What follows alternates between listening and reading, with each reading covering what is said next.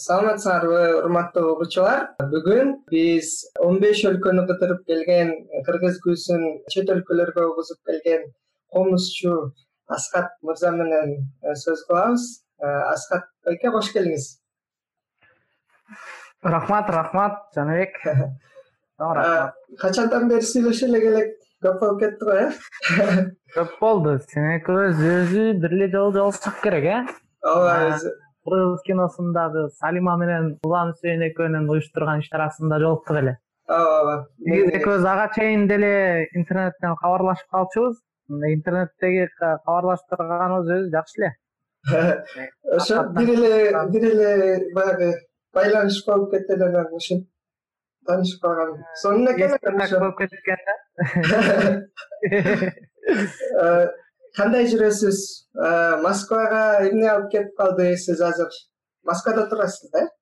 Э азыр москвадамын. Жакшы кудайга шүгүр? Иштерим жакшы. Иштеримди жакшынакай жолго салып алганмын. Ал эми москвага болсо бул жакка ата энемдин жанында жүрө туруш үчүн келип калдым да биякта ата энемдин жанында ата энем мындай өзүнө келип сооронуп мындай кайгырбай калганга чейин жанында жүрө туруп кайра кетейин деп келдим. Москвага. Москвада азыр иштеп жатамын. Типографияда. Иштерим жакшы. Ошо балекең билбектермин арты кайырлуу болсун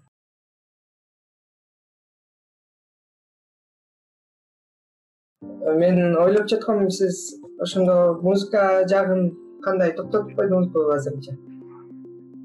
Жок музыка жагы мен өлгөнгө чейин токтобойт го дейм. Өлгөндөн кийин да токтобой калышына аракет кылам албетте. Болбосо э, музыка эч качан токтобойт. Менин жүрөгүм согуп атканы бул мен музыка жөнүндө жана музыканын курчоосунда жашап атам дегенди билдирет да мен үчүн. Музыка эч убакта токтобойт. Анан ошо чыгармачылыгыңыз жөнүндө сүйлөп калдык. Анан ошо комуз боюнча сурайын деп кетчү сөз бар эле да эмне себептен комузду тандап калдыңыз мурда эле ойлойсузбу э, интервьюларыңызды көрдүм. Аркы берки каналдарга э, чыгыптырсыз анан ошо угуп калдым он беш өлкөнү кыдырып э, барып келген деп. Кандайча ушундай болуп калды айта кетсеңиз. Эми муну айтып баштап айтып бүтөйүн деп отура берсек көп убакыт өтөт да мен кыскартып айтып берейин. Комузду эмне болуп тандап калдым? Комуз э, бул биринчиден кыргыз элинин эң көрүнүктүү аспабы. Бул кыргыздын маданиятынын мындай ажырагыс бөлүгү десек туура болот да анан мен өзүм айылда чоңойгон айылдын тарбиясын көргөн айылдагы эски кишилердин сөздөрүн угуп чоңойгон жигитмин эски кишилер менен жүрүп ошолордун талим тарбиясын алып ошолордун сөзүн угуп ошолор менен сүйлөшүп ошолордун жашоого болгон көз карашы менен жашаган жигитмин да башкача айтканда. Анан кичинемден ошол чоң апамды ээрчип аш тойлорго барып ошол карылардын сөзүн угуп отуруу мага аябай жакчу азыркыга чейин кулагымда турат. Ошол адамдардын сүйлөшкөнүндө өтө чоң касиет бар эле. Ал учурдагы тойлордо азыркыдай жаш э, кыздар балдардын жигиттердин же келиндердин жүргөнүн көрчү эмеспиз. Ал учурда кыргызчылык касиетибиз дагы күчүндө кез болсо керек. Балким ошол жоголуп бараткандагы кез ошол болгонбу деп дагы ойлоп кетем дегендей. Жана элибизде макал бар. Кары келсе ашка жаш келсе ишке деген ал учурда жаш жигиттер келиндер карылардын көзүнө көрүнчү эмес менин билишимче. Карылардын көзүнө көрүнгөндө мындай ийменип турчу да. Бул сыйдын жана маданияттын ошончолук деңгээлдеги өнүккөндүгүнөн кабар берет. Билген кишиге. Себеп дегенде кары киши бул канча турмушту басып өткөн канча жакшылыкту көрүп жамандыкты көрүп ошол өзүнүн турган турпаты менен жаштарга үлгү болуп жүргөн эле да. Мындай өзүлөрү жаштар менен түздөн түз сүйлөшпөсө дагы. Керегем сага айтам келиним сени угум сага айтам уулум сени деген маданият бар эле жаштар менен карылардын ортосундагы байланыш өзгөчө болчу анда. Мындай космический болчу да. Карылардан эмнени күтөт экенин жаштар билчү жаштарга эмне керек экенин карылар билчү бири бири менен түздөн түз байланышпаса дагы кандайдыр бир касиет аркылуу маданият аркылуу жүрчү эле ошол болчу да анан мен кичинекеймин эки жашта үч жашта төрт жашта кезимде чоң апамды жетелеп алып тойлорго барып аштарга барып жүргөндө жалаң кары адамдардын жүргөнүн көрчү. Узун узун чапандарды кийип маасы көлөч белинде белдемчиси менен куру бар сакалдары жайкалган жоолуктары көйкөлгөн апаларды аталарды көрүп жүрүп чоңойдум ошолордун сүйлөгөнүн өзү музыка эле да. Балким ошол музыкага болгон негизи эле чыгармачылыкка болгон кызыгуум ошолордун мага калтырган касиети деп ойлойм.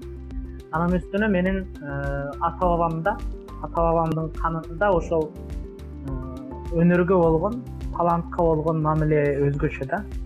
Менин бабам элге эмгеги сиңген адам болгон азыркыга чейин жөө ботакан деп көлдүн тегерегинде э, уламыш болуп айтылып жүрөт да. Э, өзүмдүн чоң атам согушка барып келген киши болгон акын киши болгон жазма акын. Ошол учурдагы латын алфавити менен ырларды жазган экен. Ошол согуштагы ырларын согушта жүргөндөгү өзүнүн эл жерине болгон сагынычын салыгын өзүнүн туугандарына болгон досторуна болгон сагынычын ошол ыр кылып ыр менен айткан киши болгон экен да. А чоң апам болсо кошокту өтө мыкты кошкон темир комузда мыкты ойногон экен өзү дагы колунан көөрү төгүлгөн муз эле дешет. Ал кишинин жанында жүрүп жанында жатып мен ошол атамдын көп нерсесин алып калдым деп ойлойм. Анан өзүмдүн атам комузду жакшы чертет гитараны жакшы чертет жакшы ырдайт аккордеонду жакшы ойнойт. Кыскасы бул менин канымдагы бар нерсе да. Анан үйдө комузубуз бар эле ошол комузга э, ошол кичинемден кызыгып тагдырым ошол комузга байланып калды. Бул эми мен өзүм комузду тандап алдым деп айткандан да калыспын бул деген кудайдын мага берген бир чоң белеги десем туурараак болот да. Анан жанагы башка мамлекеттерге барып келгеним ошол комузга болгон маданиятка болгон жана чыгармачылыкка болгон сүйүүмдүн акыбети деп ойлойм.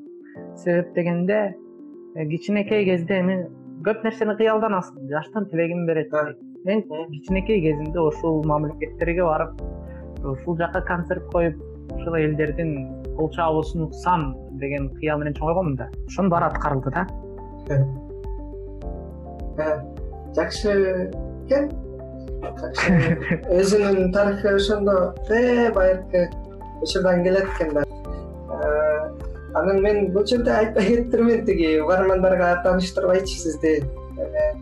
Асхат мырза ордо сахна этно фольклордук ансамблдин жетекчиси болуп иштейт. Анан ошо э, кичине эми э, ордо сахна жаккада бурсак э теманы. Баягы недавно өткөндө баягы орусча айтканда игры престолов кыргызчасын билген жокмун. Ошо ошонун э, музыкасын саундтрегин чертип чыкпадыңарбы ошону кандайча ал ойго келип калдыңар сиз дагы буга тиешеңиз бар да туура албетте. Кайдан келип калды ошондой идея? мунун дагы түйүнү тиги мунун башы тети эки миң онунчу жылдарга барып такалат себеп дегенде ал учурда өзүбүз жаш элек акчабыз аз эле дегендей фанат болчубуз да кыскасы. Окууну бүтө элек кезибиз. Көзүбүзгө баардыгы кызык көрүнүп баардыгына кызыгып турган кез болчу. Ал учурда азыркыдай саундтректерди киного деген музыкалардын популярдуулугу азыркычалык күчтүү эмес болчу. Ал учурда эч ким кинодогу музыканы угчу эмес анан э, өзү азыркы учурдагы элге белгилүү ырчы гүлзат байзакова деген апабыз бар. Ошол ишен атам менен гүлзат апамдын эки баласы бар. Камбар анан эмилбек деген камбар. Бизге ага болуп калат. Эмил болсо менин жан досум ошолор э, телефонунда көчүрүп алып угуп жүрүшчү экен да ошондо. Пират карибского моря деген кино ошондо жаңы чыгып аябай дуулдап турган кези болчу музыкасы дагы аябай мындай жагымдуу да. Анан чогулуп отуруп калып эле. Ошол камбар байке бизге тийишип калды. Эми музыканы ойнобойсуңарбы комуз менен депчи эми ал деле ойдо жок эле айтты да. Анан мен ошондо отуруп комуз менен чертип көрдүм жөн элечи чертип көрсөм камбар байке мындай таң калган сөп түштү. Амин сен чын эле чертип койдуң го а мен да ойлоп калдым чын чертип койдум окшойт деп ошондо эпиз отурдук эле анан э, ошол учурда биз кыргыздын күүлөрүн запись кылганды үйрөнүп атканбыз компьютердин программасын. Устав шакиров борборунда окуп аткан кезде камбар байке бизге сабак берчү анан э, как раз э, жаз бүтүп калган кез болчу. Жайында биз көлгө барып келдик досторубуз болуп анан келгенде эле үйдө кылаарга иш жок салаарга иш жок отуруп калдым анан ошондо пират карибского морянын төртүнчү бөлүгү чыгып төртүнчү бөлүгүндө эки гитара кошулуп жазылган да бүт музыкалары. Анан гитаранын өзү үнү комузго окшошуп кетет эмеспи анан үйдө ошол музыкаларды угуп отуруп анан нотасын жазып баштадым жөн эле. Кылаарга иш жок да. Агам келиш керек эле агамды күтүп отургам. Агам келчү бирдекени эрмектей турайын деп. Эле жазып отуруп жазып отуруп жазып отурам анан бир маалда экинчи комуз жетишпей баштады да бир дагы бир комуз кошуш керек болуп калды. Ал комузду косуп жазып кетем жазып кетем анан бир маалда үчүнчүсүн кошуш керек болуп калды. Анан ошентип отуруп кошуп отуруп аягында беш комуз болду дагы бүттү баягы. Чыгарманы эки үч сааттын ичинде эле жазып бүтүп койдум. Эртеси күнү баягы ансамбльга бардык дагы ансамбльдагы балдарга бөлүштүрүп бердим. А бир партияны беш комузчуга бөлүп бердим. Ушуну эртеңке чейин чертип келгилечи эртең көрөлү мен ушинтип жазып койдум десем балдарга да жакты да идея. Эртеси күнү баардыгы дапдаяр болуп келишиптир. Эртеси эле күнү. Эртеси эле күнү. Угуп тургандар эмне дээрин билбей калышты да. Окумуш болот экен эми жаштар дагы биз аябай мындай бир энтузиазм да ах атаңыз чын эле жыргап калды. Болбой калды. Ошондо башталган. Анын үстүнө башка чыгармаларды мындай жок дегенде бир эки жумада окшоштурчу элек да бир формага алып келчү элек а бул музыканы болсо бир күндүн ичинде эле чертип койгонбуз. Анан ал учурда ордо сахнага жаңы жетекчи болгон кезим болчу. Ордо сахна ансамбль менен ойноп көрдүк. Анан биздин жетекчибиз. Эми башка кайсы кинолордун музыкаларын ойной аласыңар дегенде эле бизге кудай берди. Мадагаскардын музыкасын ойнодук ну погоди музыканы ойнодук кунг фу панда эти илгерки кинолордун да музыкаларын ойноп чыктык ошентип жалаң ошондой музыкалар менен бир концерт бергенбиз бишкекте. Видеосу да бар болуш керек э ютубта бар бар ютубда мен ссылкасын жөнөтөйм анан. Ылдый жагына коюп чыгып коебуз жарайт анан ошентип жүрүп жүрүп анан андан уже кызыгыбыз тарады да. Ой өтүштүк ой биз деген комуз менен тиги башка элдердин музыкасын ойносок. Болбойт эми биз өзүбүз музыка чыгаралы эми биз өзүбүз чыгарма жазабыз деп балдар менен өзүбүз чыгарма жазып дагы эмес мындай сексен проценти импровизациядан турган концерт бердик эми ага дагы ошончолук профессионализм керек болчу бирок биздин ошол жаш кезде курчтугубуз менен мындай көп каталарды кетирип койгон жагыбыз бар да. Анан ошол концерттин алдында бир вечерний бишкек деген гезиттин жетекчилери келип суранып азыр игра престолов деген сериал аябай популярдуу болуп атат. Ошонун музыкасы дагы аябай популярдуу экен. Ошону ойноп көрбөйсүңөрбү деди биздин концертибизге аз калган. Анан угуп көрөлүчү деп угуп көрдүк. Анан ойносок болот экен деп отуруп ошол бир жолу репетиция кылдык ошол музыкасын угуп туруп элечи. Эртеси күнү дом киного келишти дагы тартып кетишти.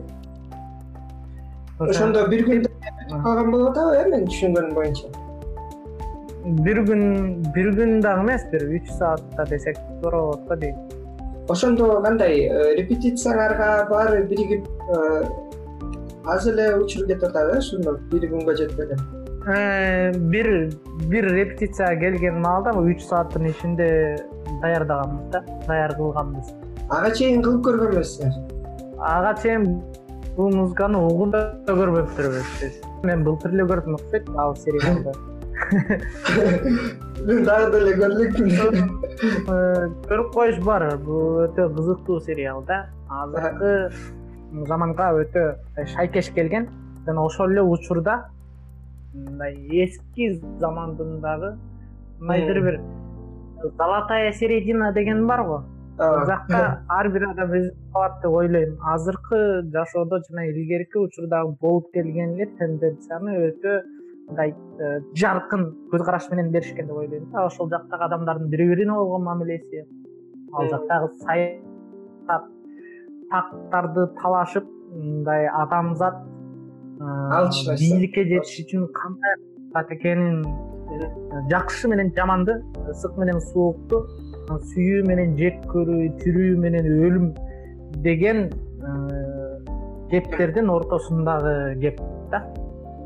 Көрүп коелу сөзсүз түрдө анан ошентип ырды жаздырып калдыңар Э, вечерний бишкек жаздырдыбы же занозабы? Биринчи баягы бар эмес беле заноза э ооба ооба заноза ошол мурдакы вечерний бишкек да. А ошондой беле Э. ошо вечерний бишкек жабылгандан кийин анан ошол эле коллектив заноза болуп кайра ишке киришти деп укканмын. Эми аны деле мен изилдеп сиз неме жөнүндө айтып атат окшойсуз анда э? Тиги заноза азыр кактус болуп калады э? Э, вечерний бишкек иштеп атат азыр болуп калды. Билбейм кыскасы ошондой э, кептерди уккам анан билбейт экенмин ошондо өзүңүз деле өтө маани бербей эле жаздырып берип коюптурсуз анан аябай хайповый болуп чыгып кетти го. Э, байкасак. Э, эми аны мен өзүм жалгыз жасаган жокмун. Аны жанымдагы балдар болуп э, группабыз эми биздин балдардын э, биздин досторубуздун ичибиздеги арабыздагы байланыш өтө тыгыз да. Кичинекей мен да байкап калам сизди тиги сиздин курча- курчагыңыздагы кишилерди карап алар менен сүйлөшүп алсам анан мындай бир өзгөчө өзүлөрүн өзгөчө алып жүргөн кишилер да? Анан аның бар. байка- байкайм рахмат. Ошо ортобуздагы байланыш бул кичинекейибизден бери киндигибиз биригип калган да ошол илгерки таалим тарбияны алып улуу өнөрдү көтөрүп жүргөн адамдардын сөздөрүн угуп ошолордун айтканын угуп черткенин угуп ошолордун жолун басалы деп ошолордун аркасында келатабыз да. Ошондой улуу адамдардын тегерегинде жүрүп дагы биз кандайдыр бир касиети калса керек да бизде. Ошондой музыкаларды ошол сыяктуу кептерди биз чогултурсак бат эле аягына чыгарып коймой адатыбыз бар. Көз тийбесин дагы дагы көптөгөн иштерди тазайбыз деген э, бийик максатыбыз тилегибиз бар. Албетте ошо команда болгондо тыгыз команда болсо эле көп иштер алга жылат экен да. Анан сиздин бир ырыңызды угуп калдык Э, сагынам деген ырды чыгарыптырсыз мен муну сиздин э, тааныш аркы аркылуу алып калдым да. Whatsapp аркылуу үйрөтүп коюшту да анан азыр карасам интернетте чыгыптыр. Ага баягы интернеттен ал учурда издегенде таппай койгом да.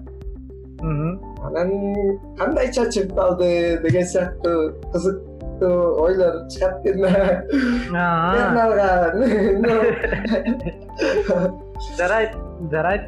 Ам, мен дагы эми кетип калам анан нелегально эле көчүрүп алгам эми болбойт ошо нелегальный нерселерден көп нерсе чыгат негизи мындай мыйзамга туура келбеген нерселерден көп нерсени күтсө болот да. Тамаша. Тамаша. Эми бул э, бул сагынам деген ыр менин чыгармачылыгымдагы өзүнүн кандайдыр бир өзгөчө орду бар да себеп дегенде бул ырды мен мындай кусуп алгам да бир сөз менен айткандачы чынында эле бир э, сулуу кызды сагынып анан чыгаргам м.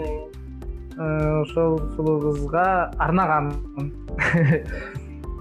асыл. Ал кыз э, ал кыздын ким экени э, сыр бойдон калып турсун. Буюрса убагы келсе өзүңөр өскөндөн менен көрөсүңөр деген ишенимим бар. Анан бул өзүн ошол жаралыш тарыхы мындай. Биз ошол учурда европаны кыдырып концерт коюп келдик эле. Орду сахна ансамбли менен. Ошол учурда мен ололо арт студиосунда мугалим болуп лидер болуп дагы иштечүмүн анан биз эки жума жүрдүк европада. Европада акыркы концертти австрияда бердик. Борбор шаары венада бердик. Абдан жакшы болду концертибиз. Концертибизди элдер өтө жылуу кабыл алышты анан концерттен кийин чыгып биздин австриядагы диаспорабыз бизди коноктошуту. Анан коноктогондон кийин эми чоңоюп калган кишилерди дагы чоңоюп калган кишидей коноктошот да. Ар кандай суусундуктар болот дегендей. Ар кандай тамактар болот. Анан ошондой суусундуктарга бир аз кызыгып алган экенбиз. Ойноп отуруп мен жолго чыгып кетип мени трамвай коюп кетти эле да. Коюп кадимкидей эле? Сүзүптү сүзүп кеткен сүзүп салган да мени. Эми өзүм чыга калгам да. Анан э, кудайга шүгүр денем сак эчтеке эчтеке болгон жок андан анан келип ошондон бир аз жабыр тартып калгангабы бишкекте давлением көтөрүлүп мындай ооруп калдым да. Күн дагы аябай ысып аткан экен анан мурдум канай берди кечке анан кой мен бир арланып келейинчи деп атсам эле менин э, эжем эжемдин кызы өзүнүн баласы менен жана өзүнүн достору менен жети өгүзгө кымыз ичкени кеткен атыштыр бээнин сүтүн ичкени. Биз менен барып кел деп калды жарайт барып келейин. Деп анан баягы жети өгүзгө барып эле жети өгүздүн кооздугунан дагы чыгып кетти деп ойлойм да. Биринчи жолу көргөндөгү кооздугуна болгон таң калуумду мен сөз менен айтып жеткире албайм. Балким ошол таң калуунун э, күчү ушул ырда калса керек деп ойлойм да. Себеп дегенде ошондой табигаттын нукура табигаттын койнунда отуруп чыгарганмын ушул ырды. Тоонун арасында отуруп мындай кандайдыр бир бир өзгөчө абалда калган элем да. Кечинде биз барган күнү көпкө чейин уктай албай ары бери басып жүрүп анан э, ошол жанагы жарылган жүрөктүн түбүндө жашачу элек. Жаныбызда чоң суу агып турат бактарактар курчап турат дегендей. Тегерегиң тоолор жапжашыл арчалар. Анан асманда жылдыздарды карап отуруп чыккан башкы эки үч сабы башталып анан эртеси күнү атайын ошол ырды жазып келем деп тоого чыгып кеткем анан бир бир сааттын ичинде жазып бүтсөм керек. Же бир саатка жетпейби кыскасы ошол учурда убакыттын эмне болуп өтүп атканын мындай байкабай калганмын да. Өзгөчө абал болуп калат кээдечи ушундай бир транско кирип кетесиңби же кандайдыр бир башкача да. Анын үстүнө оону менен сөзү мындай бирдей келген да. Мага мындай өтө катуу таасир калтырган жери мисалы башкаларды биринчи сөзүн жазып андан кийин обонун жазасың. Же болбосо биринчи обону келип андан кийин ошол обонго ылайыктап сөз жазасың дегендей. Сагынам деген ырым дагы обону дагы бир учурда келген. Ошон үчүн бул ырымды мындай өзгөчө жакшы көрөм деп да айтсам жаңылышпайм жакшы экен. Э, эми биле жүрөт экенбиз. Себеби мен дагы природада жүрүп табигатта жүрүп угуп калам кээде аркы берки нерселерди элестетипчи. Боом капчыгайынан анан угуп калам кээде мага жакты аябай убагы убагы менен угуп турабыз. Рахмат. Анан э, америка боюнча кызыктырып атты эле темалар америка кандай экен? Э, кандай көрдүңүз американы ошо чыгармачылык саякатыңызда? Эмнелер болду может мүмкүн ошолор жөнүндө айта кетесиз? Айта кетейин. Айтпай кантип кетейин дегендей америкага негизинен мен үч жолу бардым. Жыйырма биринчи туулган күнүмдү америкадан өткөрдүм ага чейин э, он тогуз жашымды өткөрүп кала жаздадым. Бирок жолдон өтүп калды да. Ал мисалы бизде мисалы кыргызстан менен американын ортосу он эки саат. Алар бизден он эки саат артта да. А биз болсо он эки саат алдыдабыз. Мисалы бишкектен америкага тогузунда чыксаң деле тогузунда жетип каласың. Самолет мененчи америкадан бизге тогузунда чыксаң он биринде келип каласың да. Онун актап кетесиң биринчи жолу ошол эки миң он экинчи жылы америкага техас штатына барып жибек жолу деген фестивалга катыштык орду сахна ансамбль менен. Ошондо биз америкадан техастан тогузунчу октябрда чыктык. Анан учуп келип бишкекке консок он биринчи октябрь болуп калыптыр менин туулган күнүм өзү онунчу октябрда да анан ошо күнүбүздү аттап кетип калганбыз да. Ушундай бир кызык окуя болду эле бир жолу. Анан ошондо кандай болуп калдың мен азыр ойлонуп кетиптирмин эмнегедирчи өткөрбөй калдыңызбы өткөрдүм бирок бир күн кечирээк өткөрүп калдым. Бияка келгенде ошол досторума аэропорттон коштошуп атып Э, айттым да ага чейин тиги америкада жүрүп эле интернеттен бишкектеги досторума табыштап койгон бир үй алып койгула менин туулган күнүмдү белгилеп койгула алар үйдүн баарын камдап коюшкан эле. Анан биз э, бишкекке келип конгондо балдар менен коштошуп атам да мен. Макул анда бүгүн кечинде жолугабыз саат бештерден калбай келгиле деп атам да. Эмнеге экенин деле өзүм унутуп калыптым бирок жолугат экенибиз эсимде да. Деп атсам эле э макул макул деп атып эле балдар да эстеп кетип а мен сенин туулган күнүң эмес беле деп ойлонуп көрсөм туулган күнүм өтүп кетиптир менин. Он биринчи октябрь болуп кетиптир да. Ошентип ошол сыяктуу кызыктуу окуялар болгон. Эми американын көп штатына бардым. Техаска бардым. Аризонага нью мексикого бардым калифорнияда жүрдүм дегендей. Чоң шаарларына барып концерт коюп гастролировать этип жүрдүк. Ошондо америка өтө көп кызыктуу окуялар менен жана көптөгөн чоң чоң жашоомдогу бурулуштар менен эсимде калды десем туура болот го дейм. Себеп дегенде ошол жыйырма жашымда америкадагы жыл сайын өтө турган one bit деген фестивалга кабыл алынып кыргызстандын атынан ошол кыргызстандан барган эң биринчи музыкант мен болдум да.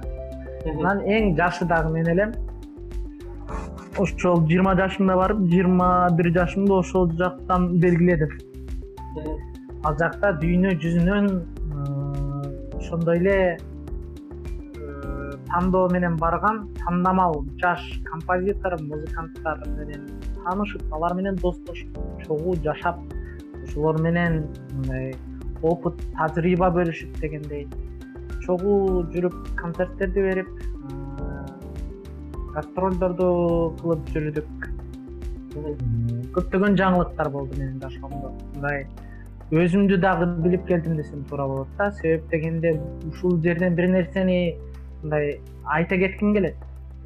Адам өзүн өзү билиш үчүн башка адамдарды дагы билиши керек деп ойлойм себеп дегенде бул жашоодо ар бир адамдын өзүнүн орду бар ошол ар бир адамдын ордун карап көргөндөн кийин анан сенин ордуң кайда экенин билесиң деп ойлойм да.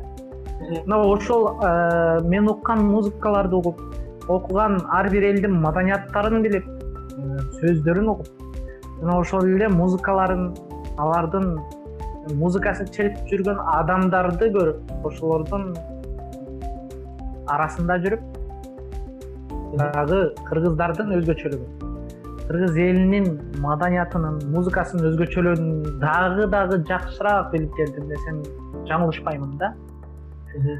Ар бир элдин маданияты улуу ар бир элдин бул жашоодогу аткара турган өзүнүн кандайдыр бир миссиясы бар деп эсептеймин бири биринен бир элден бир элди жогору көрүп же башка элдин маданиятын башка элдин маданиятынан жогору көрүү бул туура эмес бизде азыр ушул маселеге келгенде көп аксайбыз да. Биз улуу элбиз биз кыйынбыз. Же болбосо башка элдер улуу башка элдер чоң экономикалык жактан бай биз кедейбиз деп мындай бир бир калыпка келе албай мындай тарелканын эки жагына ой берген сыяктуу сезилет да мага. Айта кетким келет. Биздин эл чынында улуу эл маданиятыбыз дагы улуу. Башка элдердин маданияты кандай болсо биздин маданиятыбыз дагы ошондой улуу башка элдин музыкасы канчалык э, жагымдуу болсо дагы биздин музыка ошончолук эле жагымдуу. Ар кимдики өзүнө ай көрүнөт өзүнө албетте. Бирок биз өзүбүздүн кандай экенибизди билүүбүз менен башка элдин э, маданиятына же болбосо музыкасына кандайдыр бир жаман сөздү тийгизгенибиз. Бул калыксыздык да. Баардык элдин музыкасын мен абдан жакшы көрөм. Жана өзүмдүн маданиятымды туу тутуп жашайм. э, ушул сыяктуу могу мен айтып аткан ойлордун баардыгы тең. Ошол башка элдердин маданиятын ошолордун сөздөрүн ошолордун ойчулдарын ошолордун өнөрпоздорун угуп отуруп мен дагы дагы көбүрөөк ийгиликке жеттим деп айта аламын да. Америкада э, жана башка көп эле кызыктуу окуялар болду.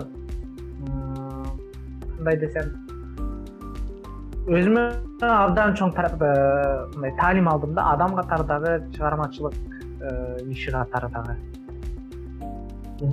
албетте ошо бирөөнүн негизи эле маданият деген сөз бул. Баягы маданияттын ишкерлери бул ошондой мындай грубо айтканда пацифист болуп кетишет эмеспи баягы дүйнөдөгү э, тынчтык үчүн мындай Э, маданият десе эле бул түзүп койгон кирпичтер эмес да бул белгилүү бир жандуу э, элдер арасындагы байланышты түзгөн нерсе болуш керек анан ошол. Менин оюмча сиздин оюңуз аябай э, убагында келип калды окшойт э биздин подкастка.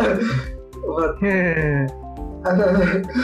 Анан америка ошо жакшы айтып кеттиңиз эми э, баягы комуз жөнүндө суроолор бар эле жанагы.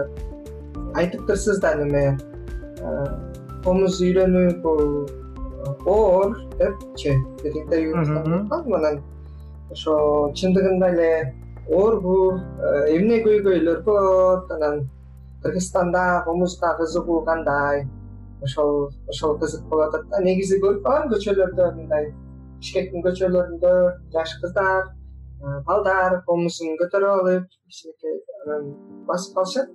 Анан ошо кызыктуу да эмне менен алектенишет кишилерди эмне алып барат ал жака кызыктырыпчы? Ошо комуз жөнүндө айтып берсеңиз жалпысынан эми комуз жөнүндө мен айта берсем менин сөзүм түгөнбөйт.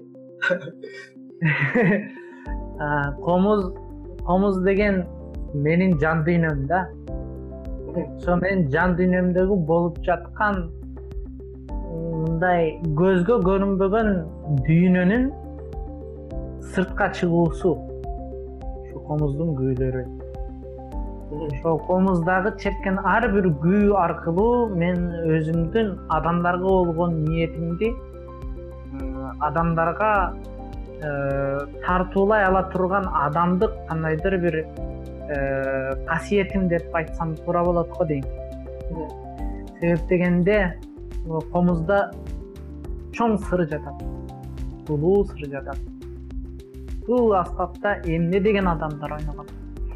Мынакей тээ илгерки манастын убагындагы ырамандын ырчуулунан баштап токтогул арстанбек эшмамбет жеңичок сыяктуу атай огонбаев ыбырай туманов карамолдо орозов сыяктуу инсандар ыйык тутуп комуз деген бул э, кандай десем мени адам кылып турган күч да. Мен өзүмдүн жашоом жөнүндө айта кете турган болсом. Себеп дегенде бир окуя айтып берейин кызык окуя. Убагында өтө катуу ооруп калдым. Үч жыл мурда. Э, башкача айтканда мындай өзүмдү адам катары көрбөй калганга чейин бардым да. Балким ал жашоомдогу ошол учурдагы болуп кеткен бурулуштардан улам болгондур балким менин денемде кандайдыр бир өзгөрүүлөр болгондур же болбосо э, мен өзүм элдин маданиятын туу тутуп жүргөн киши катары ошол улуу күчтөргө ишенип касиеттерге ишенип жүргөнүмөн ошол касиеттердин кандайдыр бир мага берген сыноосу болгондур. Өтө катуу оорудум кекеч болуп калдым мындай оюмду толук айтып бере албай жоготуп оюмду. Эмне жөнүндө сүйлөп атканымды унутуп калып. Же болбосо бир ыр жазып аткан болсом ошол ырымдын сабын катасыз жаза албай калганга чейин бардым. Мен кичинемден бери бир сөздү ката жазбагам мындай отличник болуп окудум да. Анан дагы ошол кичинемден карылар менен сүйлөшүп ошолордун оюн ээрчип жүрүп мындай улуу улуу жомокторду окуп ошолорду айтып берчү элем. Э, көп көп элдергечи мен үчүн бул өтө чоң сыноо болду да. Бир сөздү аягына чейин айта албай калып туруп оюңду жоготуп ийгенден өткөн кыйын нерсе жок экен адам үчүн. Анан эмне кыларымды билбей кантип айыгарымды билбей психикалык жактан дагы өтө оор акыбалга келип калдым да анан ошол учурда токтогул сатылгановдун китебин көчүрүп алып интернеттен көчүрүп алып анан окудум. Болгонун болгондой окуп чыктым. Анан ошондон кийин бир күнү токтогул түшүмө кирди. Түшүмдө ошол токтогул токтогулдун тогуз кайрыгы угулуп атат мага. Анан токтогулдун сибирден качып келаткандагы көргөн азап тозогун көрдүм да. Аян болду да башкача айтканда мага.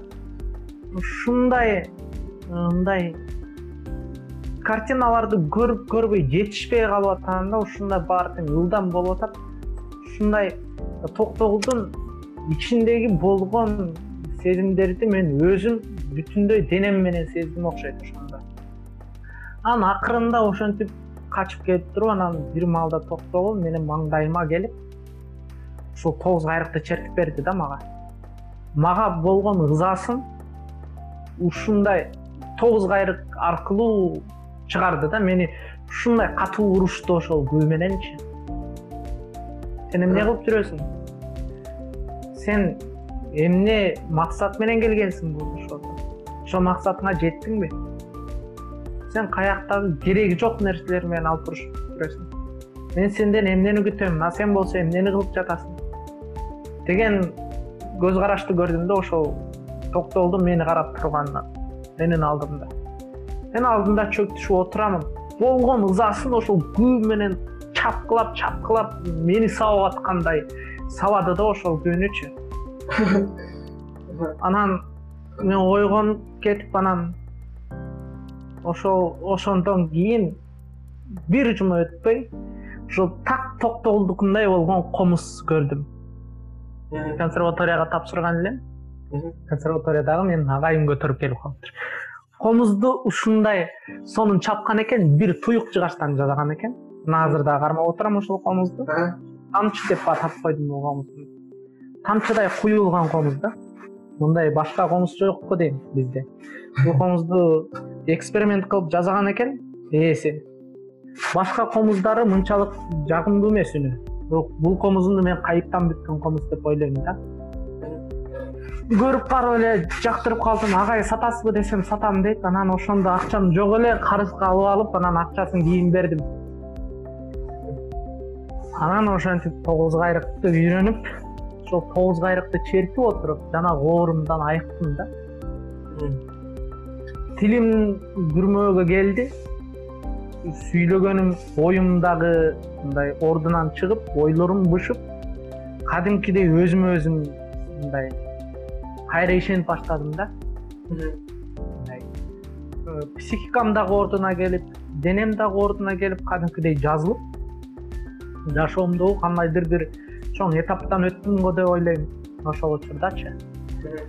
Анан ошол тогуз кайрыкты үйрөнүп отуруп анан ошол тогуз кайрыкты токтогул өзү бир черткенде бир эки сааттан кем чертчү негизи өзү үч мүнөттүк эле күү мына күүнүн касиети ушунда да. Токтогул болсо муну ырдап чертчү бул күүнү тогуз кайрып черткенде токтунун эти бышкан токтогул тордон чыккан күү мунун ар бир кайрыгынын өзүнүн чечмелениши бар. Буюрса ошол э, баардык чечмеленишин убагында мен элге жеткирем деген максатым бар буюрса. Кудай өмүр берсе аны дагы элиме тартуулаймын. Анан жанагы комузду үйрөнгөн оорбу деген сурооңо мен эки тараптуу жооп беремин да. Негизинен комуздан өткөн жөнөкөй аспап жок. Техникасы дагы чертүү ыкмасы дагы өтө жөнөкөй комузду үйрөнүп баштап анан кандайдыр бир убакыт өткөндөн кийин комуз үйрөнүү ушунчолук кыйын болуп калат да билбейм аны кантип түшүндүрүп бериш керек экенин бирок мен беш жашыман баштап мынакей комуз чертип келатам азыр болсо жыйырма жетиге карадым. Мен азыркыга чейин комуздун мындай баардык мүмкүнчүлүгүн өздөштүрдүм деп айтуудан коркомун да. Кудайга шүгүр жаман комузчу эмесмин. Элиме таанылып калдым. Элимдеги азыркы учурдагы э, сап башында келе жаткан комузчулардын биримин деп эсептеймин өзүмдү. Кудайдын кулагын сүйгүнсүн. Бирок ошончолук канчалык көп эмгектенген сайын мындай өзүң адамдык касиетиң дагы адамдык сапаттарың дагы курчуп өзүң дагы адам катары дагы өсөсүң өнөрпоз катары өсөсүң анан мындай баардыгы жеңилдеп баштайт да комузду үйрөнгөн сайын. Эми буюрса эски улуу комузчулардын деңгээлине жетиш үчүн дагы көп көп эмгек кылышыбыз керек. Мен бул комуз чертүү менен адам эмнени каалайт кеп ошондо деп ойлойм. Анткени илгерки комузчулар комуздун күүсү аркылуу адамдарды даарылап койгон кудуретке ээ болушкан эми андай кудуретке жетиш үчүн дагы көптөгөн эмгек кылышыбыз керек. Кыскасы комуз жөнүндө айта бере турган болсок бул көпкө чейин сүйлөшөбүз негизи эле баягы музыканы жалпысынан алса э өзүнүн бир мисалы мен өткөндө эле окудум бир жака жазышыптыр. Классикалык музыка аялдардын эмнесине деди төрөтү учурунда жакшы влиять этет деп депчи баягы туура туура туура ошондойлорду окуп калдым да анан ошол сыяктуу бир музыканын нерсеси бардыр э мындай илимий жактан деле карагандачы туура мына негизи э, кандай десем. Бул илим менен билим экөөнүн э, мындай окшош жерлери көп болгону менен окшош эмес жерлери да аябай көп да. Менин билишимче себеп дегенде илимпоздордун көбүнчөсү кудайга ишенбейт экенин билип жүрөбүз да. Алар илимге физикага ишенип ошолор гана бул жашоону э, айлантып турат деген дагы сөздөрдү угуп калабыз да. Бирок адамзат канча кылым жашап келаткандан бери мынакей э, адамзат жок болуп кете турган учурда кудайдын э, адамдарга айта турган сөзүн айткан күчтүү күчтүү адамдар төрөлгөн.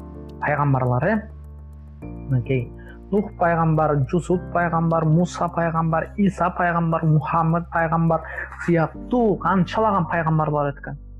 Мына ошол пайгамбарлардын арасында биздин улуу улуу э, деңгээлге жеткен олуяларыбыз бар акелерибиз бар. Мына кыдыр аке кадыр аке сарт аке мойт аке тилекмат аке деген акелерибиз мынакей токтогулдай арстанбектей калыгулдай ушулдарыбыз мынакей аккан сууну жетимин жетимин тынбай айткан жеңи жок дагы ошондой пайгамбарлык касиетке ээ болгон адам.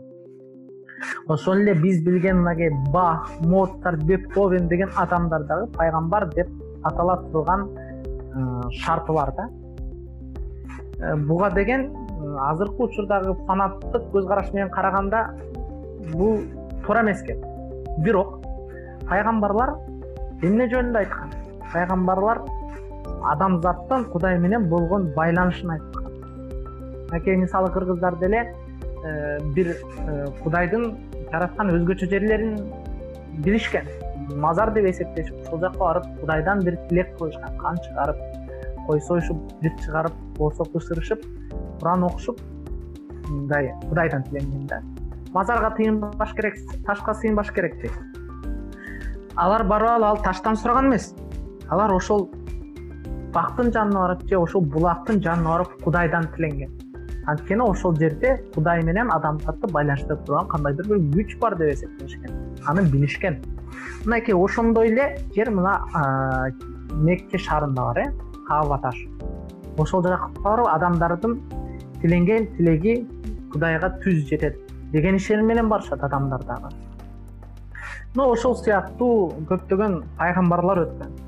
Ошол пайгамбарлардын сөзүн уккан адамдардын жашоосуна бакыт пайда болуп э, мынакей оорусунан айыгып дегендей кадимки эле сагынбай орозбаков манасчы манас айтып өткөн айылда төрөгөн аялдар төрөп оорукчан адамдар айыгчу деп ушул сагынбайды көрүп калган адамдар айтып жүрүшөт азыркыга чейин. Мына ошол э, өзүнүн миссиясын аткарыш үчүн сагынбай манасчы үйүнөн чыгып кетип жети дубанды кыдырып келчү эл чогулган айылдарга кайсы айылда оору көп болгон болсо же болбосо кайсы айылда төрөбөгөн аялдар болсо же кандайдыр бир кыйынчылыктар болуп аткан болсо сагынбай манасчы ошол айылга барып манас айтып элдердин баарын чогултуп. Ошол манастын күчү менен кудайдан кандайдыр бир тилек тилеп ошо элге шыпаасын бергенди билген касиети күчтүү адам болгон. Ошо элдин ыраазычылыгын алып элден мүшөк мүшөк э, эгин алып э, коро коро койлорду айдап келчү дагы ошонун бирин дагы өзүнө албай өзүнүн айылындагы элге таратып берчү экен мына ошондой адамдар өткөн. Музыканын күчү мындай адамды канчалык деңгээлге жеткире алаарын адамдардын баардыгы билсе балким адамдар эч убакта оорубай калмак дагы азыркы учурдагы болуп жаткан катастрофанын баары болбойт беле деп ойлойм да кээде мындай э, музыка жөнүндө мисалы музыканын көп түрлөрү бар да. Ар кандай мисалы хип хоп аркверки анан мисалы мен э, өткөндө көрүп калдым бир видео роликте. Америкада бир моментте баягы кара ак деген проблема бар болчу э анан анын үстүнө америкада кол курал курал колдонгонго уруксат бар да анан бир э, сексен сексен канчанчы жылче кийинки жылы бир жыйырманчы жыл менен жыйырма биринчи жылдын ортолорундагы баягы э, атышып бирдеке болуп преступность көбөйүп кетиптир да. Анан э, хип хоп жанры жаралып анан бир мейкиндиктен бир плоскостьтон ошондо экинчи плоскостко өткөргөн сыяктуу болуп калыптыр да. Ошондо хип хоп жаралгандан кийин баягы элдер өзүнүн бир кайсындай бир жапайы инстинкт мындай жапайы бир потребностьтарын орусча айтканда э, музыкалык плоскостко чыгып кетиптир да. Ошондо э, преступность азайыптыр э, деп ошо видеодон көрүп калдым да баягы азыр хип хопту аркверк пистолеттердидир же ар кандай тарткан нерселерди көрбөсө болот го э ошондо сен аны көрөсүң ошол видеонучу анан э, көргөндөн тышкары дагы ошо баягы бир кызыккан нерселериңди музыка аркылуу мындай катуу айтканда татып көрүп аткан сыяктуу болуп калат экенсиң да же ошол сыяктуу болуп калат окшойт да сен ошо өзүңдү ошонун ордуна коет окшойсуң да анан ошо сиз айткандай эле музыканын бир мүмкүн өзгөчө нерсеси бар. Э, дагы анан балдар жөнүндө дагы айта кетесизби? Балдарды кайсы балдар жөнүндө? Э, кандай кандай окуттуңуз ошо балдар? Кандайча кызыгат шакирттерим жөнүндөбү э. шакирттерим комузга өзү мындай өзүнүн канында бар шакирттер да көбү. Мынакей учурда азамат отунчиев деген агамдын эки баласына комуздан таалим берип жүрөм. Анан токтобек асаналиевдин уулу буугачы деген кичинекей иниме дагы комуз үйрөтүп келатамын алар азыркы учурда мындай үйрөнчүк деген деңгээлде. Эми буюрса келечекте алардан чыгаан чыгаан комузчулар чыгат деп ишенем. Алардын комузго болгон кызыгуусу жашоого болгон кызыгуудай эле да. Алар дагы мындай мен сыяктуу башка элдерди кыдырып ошол жерде өзүнүн өнөрүн тартуулатасы келет дегендей баягы тулпарды тулпар көрсө төрт аягы тыбырайт деп коет да. Эми аларга болгон менин комуз үйрөтүү ыкмам дагы бир аз башкачараак башкалардан айырмаланып. Себеп дегенде мен комузду тогуз жашыман баштап үйрөтүп баштадым. Тогуз жашымда өзүмдүн агайымдын шакирттерине комуз үйрөтчүмүн да. Агайым мага үйрөтүп мен калган шакирттерине үйрөтчүмүн анан ошол учурдан баштап азыркыга чейинки музыкадагы адамдын аң сезимин дагы билип калдым да. Бир эле учурда шакирт болуп ошол эле учурда устат болуп да көрдүм да. Анан мындай өзүмдүн кандайдыр бир методикам пайда болуп калган десем туура болот. Анан алар менен ар кандай кылып э, өтөмүн сабакты мындай кээде биз комуз чертпей эле сүйлөшүп отуруп калган учурлар болот да. Ал балдарга мындай эмне керек болсо мен ошону бергенге аракет кылам. Жеке эле комуз черткен эмес. Бул жашоодо мындай адамдарга кандай учурда кандай ишти кылыш керек деген сыяктуу маселелер да пайда болуп калат да. Себеп дегенде мындай комуз менен бул жашоодо болуп жаткан э, нерселердин ортосундагы бир байланышты аларга түшүндүрүп бергим келет да. Себеп дегенде алар комузду черткенде жөн эле күүкен деп черте берүү эмес ошол комуз чертип атып ушул жашоодогу өзүлөрүнүн көргөн мындай нерселерин ошол комуз аркылуу элге жеткиргенге э, болгон жолду ачып бергим келет да. Анткени бул музыка деген адамдын жан дүйнөсүндө болуп жаткан ниети да. Жанагы сен айтып аткандай эле мындай кол менен кармай албай турган нерсе да. Бирок ошол нерсе аркылуу адамдар мындай жаңы деңгээлге жетип турат да. Мына ошолор дагы өзүлөрүнүн черткен комузу менен ошол күүсү аркылуу адамдардын аң сезимине жакшы таасир калтырып алардын жашоосуна көрк кошуп жанагындай эргитип койгузо ошолор дагы бир улуу миссияны аткара турган деңгээлге жетсе деген тилегим чоң да. Алар менин сабагымды өтө кызыгуу менен өтүшөт. Биздин ич ара мамилебиз өтө таттуу аябай жакшы көрөм шакирттеримди. Шакирттер менен эле жүрө бергим келет кээде ойноп эле. Бирок э, требованияңар чоң деп уккам э? Албетте ушул жаңы элеки айткан оюм да. Мен алардан талапты өзүлөрүнө айтпаймын алардан мага эмне керек экенинчи.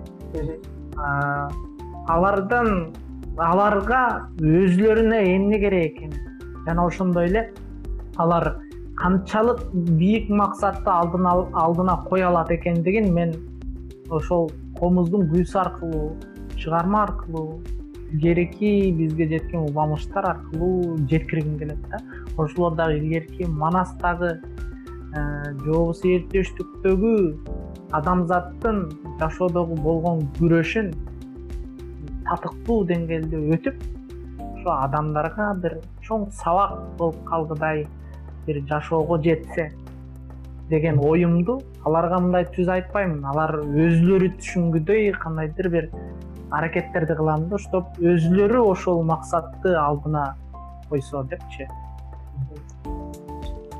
анан комуз өткөндө көлдүн жээгинде бир фестиваль өткөрбөдүңөрбү кыргыз кайрык кыргыз кайрык дегенчи анан өлө сонун болду болуш керек э көлдүн жээгинде. Жыргал болду да эми мынакей көлдүн жээгин уктайбыз мына эгер мен азыр москвада уктап атканда сыртта машинелердин ызы болуп аткан болсо ал жакта боз үйдүн ичинде уктайсың. Таза абада.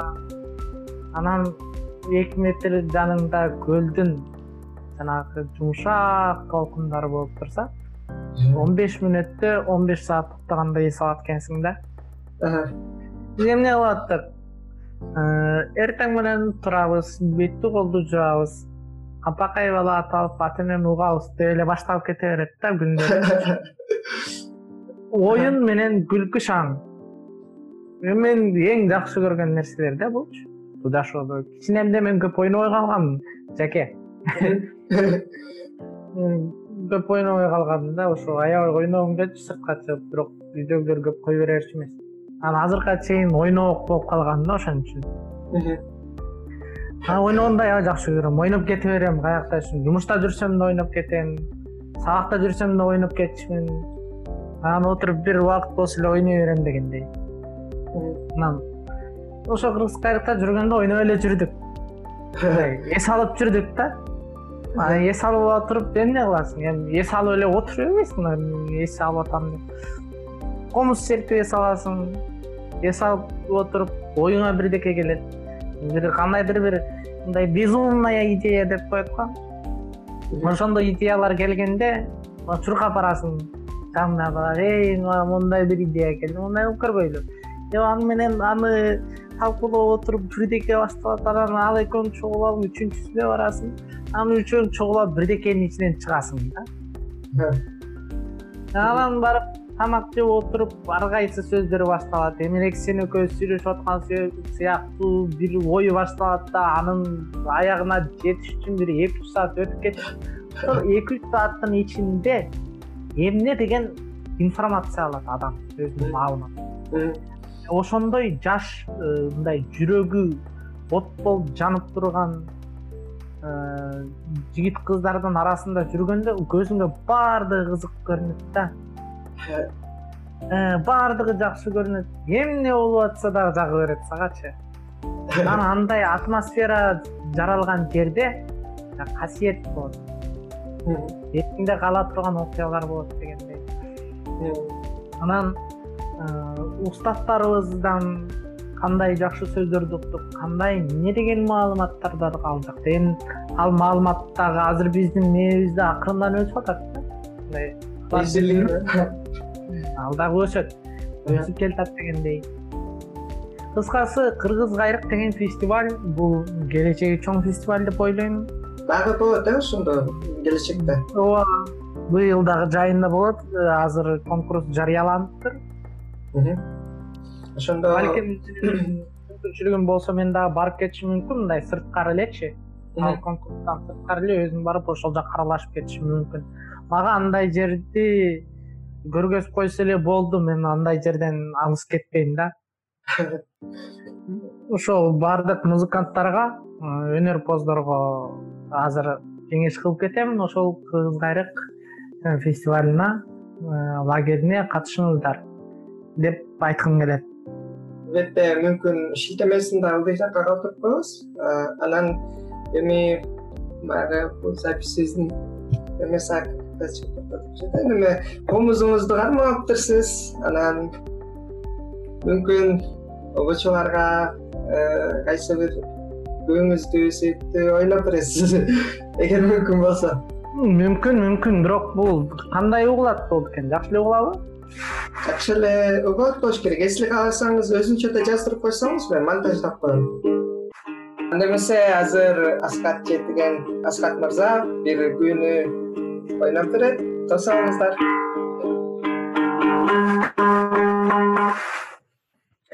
карамолдо орозов деген улуу устаттын ибарат деген күүсүн аткарып берейин